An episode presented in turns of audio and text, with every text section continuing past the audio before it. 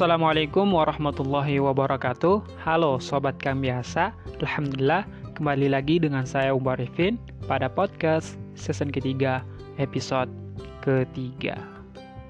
Oke pada podcast kali ini saya akan membacakan sebuah artikel yang ditulis oleh Pratnya Wardani Yang berjudul Berhenti bilang insya Allah untuk menolak sesuatu Insya Allah yang juga berarti jika Allah berkehendak sering ya digunakan dalam pembicaraan sehari-hari. Contohnya ya, misalkan teman kita mengajak kita ke tempat tokoh buku, ah, mengajak kita ke tempat tokoh buku, eh sebenarnya kita mau menolaknya, tetapi dengan cara yang halus kita mengucapkan Insya Allah. Perlu kita ketahui bahwa secara umum Insya Allah itu memiliki makna bahwa sekeras apa pun manusia berusaha, pada akhirnya Allah yang akan menentukan hasilnya. Tapi pada kenyataannya, insya Allah juga sering digunakan untuk menolak ajakan dengan halus. Salah satunya contoh yang tadi. Nah, insya Allah yang seharusnya 99% jadi, berubah menjadi 99% tidak jadi. Nah ini seharusnya ya, seharusnya generasi kita belajar untuk menggunakan kata tidak dengan gegabah ya atau tidak sembarang menggunakan kata. Bukannya bersembunyi di balik kata insya Allah ya, harus terus terang. Semacam ya kita langsung bilang, ah nggak jadi karena ada kegiatan ini, kegiatan itu. Ya, jangan bersembunyi di balik kata insya Allah. Sebenarnya kita tidak mau, tetapi kita secara halus menolaknya menggunakan kata insya Allah. Nah, adapun beberapa poin yang ditulis oleh uh, peratnya ini dalam uh, diambil dari beberapa kutipan atau di beberapa tulisan sebagainya dirangkum menjadi beberapa poin. Nah, kita lanjut ke poin yang pertama. Poin satu, selama kamu punya alasan yang kuat bilang enggak, bukanlah kesalahan daripada menjanjikan hal yang belum tentu bisa dilakukan.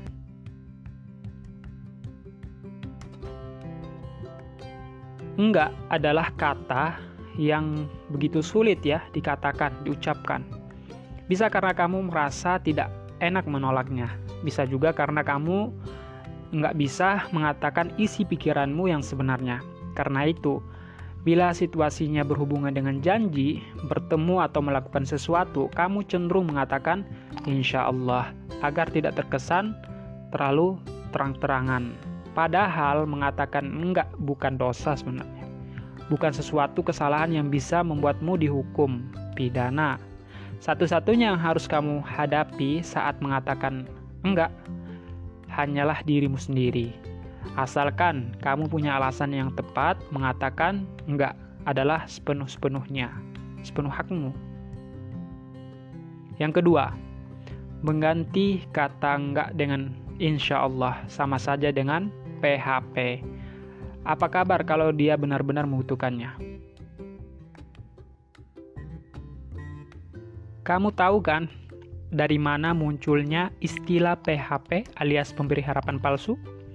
Ya, dari orang-orang yang memberikan harapan bagus di awal namun mengakhirnya dengan pedih.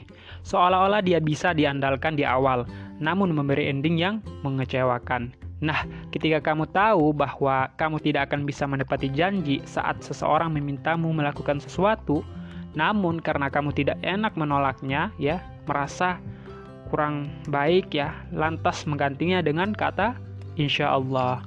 Otomatis kamu jadi orang yang PHP. Padahal mungkin saja ya, mungkin saja dia benar-benar mengandalkanmu. Bila kamu menolaknya sejak awal, tentu dia tidak akan berharap lagi dan mungkin mencari solusi lain. Poin yang ketiga. Poin yang ketiga ini yaitu tentang mengganti kata enggak dengan insya Allah juga berarti kamu lebih suka lari dari masalah dan tanggung jawab dengan mengatasnamakan keadaan. Sebenarnya manusia itu diciptakan ya sama, semuanya sama kamu, dia, dan mereka semua memiliki hak dan kapasitas yang sama untuk menolak sesuatu dengan mengatakan tidak. Ketika kamu mengatakan ya atau mengatakan tidak, semua deretan itu memiliki konsekuensi yang harus kamu hadapi. Kalau kamu pilih ya, itu memiliki konsekuensinya. Kamu pilih tidak juga sama memiliki konsekuensinya. Bila kamu berjanji ya, bila kamu ingkar ya, nama baik dan reputasimu akan dipertaruhkan di sini. Dengan memanfaatkan istilah insya Allah, kamu akan memudah mengalihkan kesalahanmu pada keadaan. Dengan begitu, ketika ditanya, kenapa kamu tidak menepati janji kamu, kamu bisa saja beralasan, ya kan gue udah usaha, kalau gagal ya bukan salah gue gitu.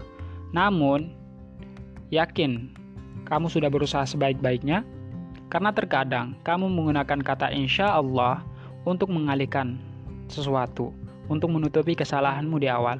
Bahwa kamu tidak akan mengusahakannya dengan serius. Padahal tentu ya tentu konsep insya Allah itu tidak seperti itu. Poin yang keempat. Mengatakan insya Allah membuatmu jadi mengentengkan janji. Lebih baik bilang enggak dari awal daripada dikenal sebagai tukang ingkar janji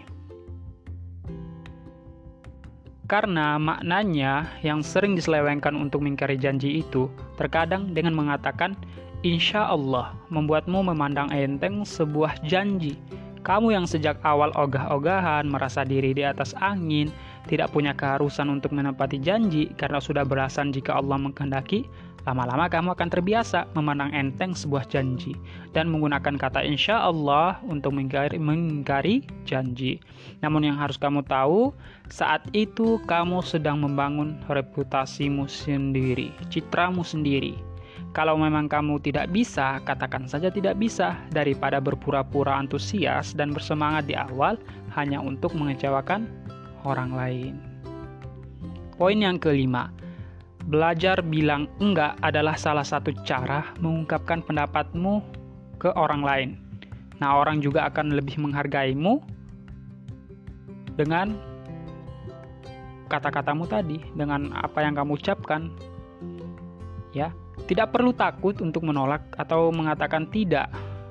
Selain mengatakan enggak, bukanlah hal yang berdosa yang tidak bisa diampuni. Berani menolak dan mengatakan tidak adalah bentuk dari menghargai diri sendiri.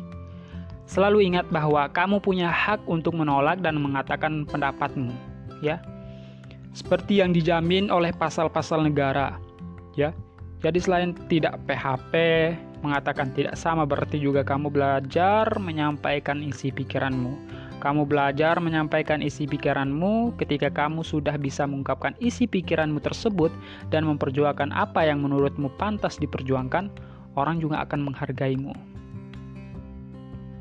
Dan poin yang terakhir yaitu berhenti mengganti enggak dengan insya Allah. Insya Allah adalah sebuah istilah yang filosofisnya sangat tinggi dan mulia Insya Allah mengisyaratkan bahwa kehendak manusia tidak ada apa-apanya bila Tuhan yang bertindak.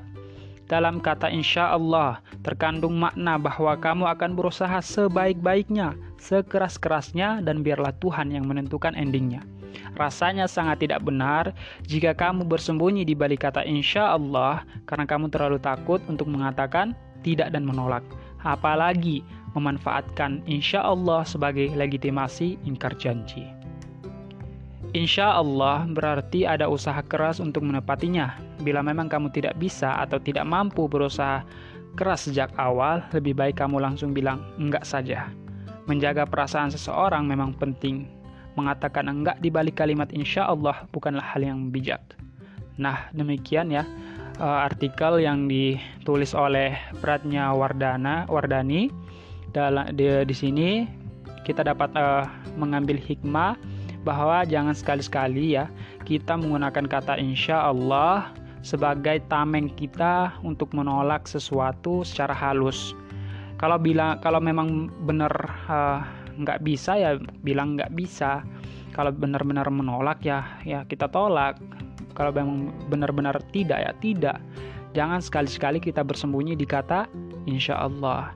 Saya juga sebagai uh, pembaca di sini juga sering menggunakan seperti itu, tetapi karena sudah membaca ini jadi faham di mana harus menempatkan kata insya Allah yang benar dan harus berani ya mengucapkan kata tidak dan menolak apabila apabila benar-benar itu hal yang benar-benar harus ditolak atau di tidak di, tidak bisa diterima. Maka dari itu, saya mengajak teman-teman untuk berhenti bersembunyi di kata insya Allah jika memang tidak bisa dan tidak mampu untuk menjawab atau menerima ajakan seseorang. Maka dari itu, mulai hari ini, mulai saat ini, kita mulai berubah mengganti kata insya Allah dengan kata enggak. Jika kita dalam keadaan memang benar-benar tidak bisa, ya memang benar-benar uh, menolaknya. Jangan sekali-sekali menggunakannya dalam uh, setiap ajakan seseorang. Ya, mungkin itu saja uh, podcast kali ini. Semoga bermanfaat. Sekian dari saya Umbu Arifin. Sampai jumpa di podcast selanjutnya. Sekian, Assalamualaikum warahmatullahi wabarakatuh.